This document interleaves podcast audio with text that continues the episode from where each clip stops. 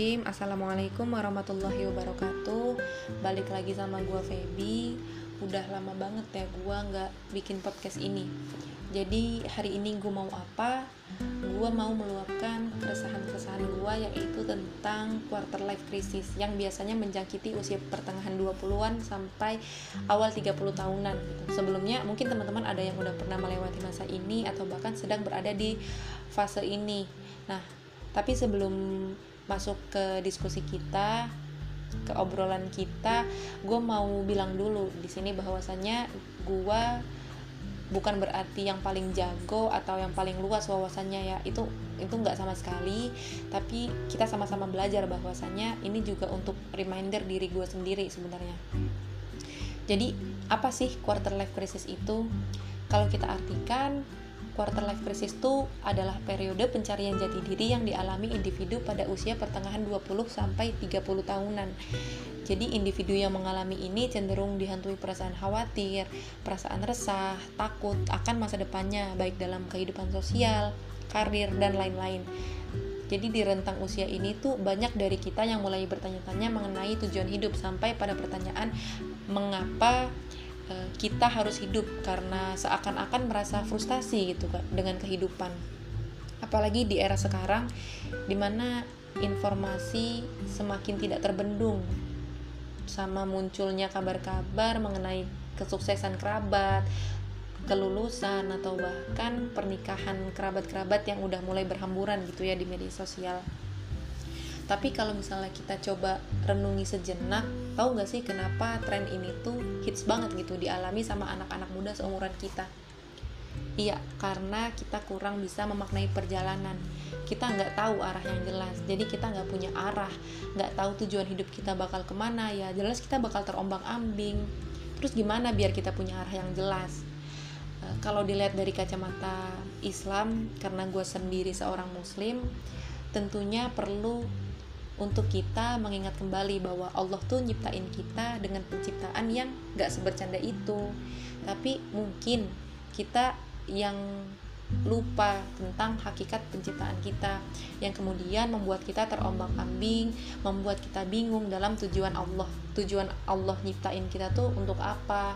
Dan tentu kita tahu bahwa kalau kita nggak punya landasan yang fundamental tentang tujuan penciptaan diri ini jelas kita akan terseok-seok dalam perjalanannya. Dan sebenarnya itu yang perlu kita renungin bahwa kita tuh mau ke mana sih? Apakah dari lahir terus anak-anak sekolah kerja menikah terus mati sesederhana itukah? Padahal kita tahu bahwa hidup tuh tidak sesederhana itu. Tentu ada sesuatu yang harus kita tanggung jawabin tentang semuanya jadi kalau kita balik lagi ke tujuan hidup sebenarnya tujuan kita hidup itu apa sih? Karena pasti ada tujuannya. Kalau misalnya kita ambil contoh misalnya benda di sekitar kita ya contohnya laptop.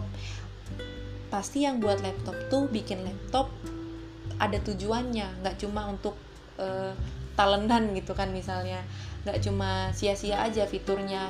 Pasti ada fungsi-fungsi yang lain dan juga tentunya dibekali dengan yang namanya buku panduan sebelum kita mengoperasikan laptop itu sendiri. Ya sama aja kayak kita. Sebagai seorang muslim harusnya kita sadar kalau kita tuh punya buku panduan kalau kita tuh punya guidebook untuk hidup kita.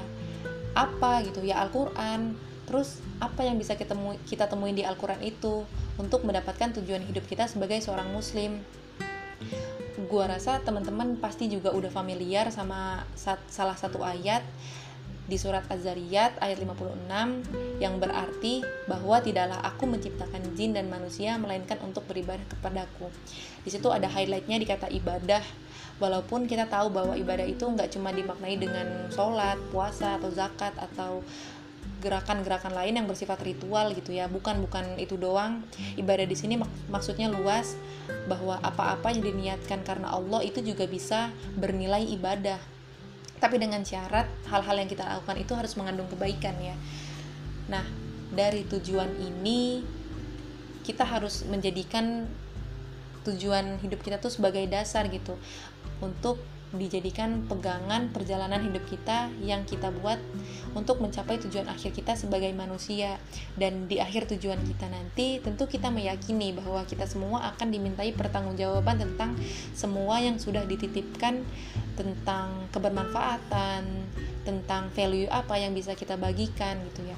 Kalau teman-teman dari jurusan fisika atau kimia mungkin bisa jadi saintis terus menemukan sesuatu yang bisa bermanfaat untuk banyak orang dan itu bisa kita jadikan sebagai tujuan dunia yang berkesinambungan dengan tujuan akhirat kita.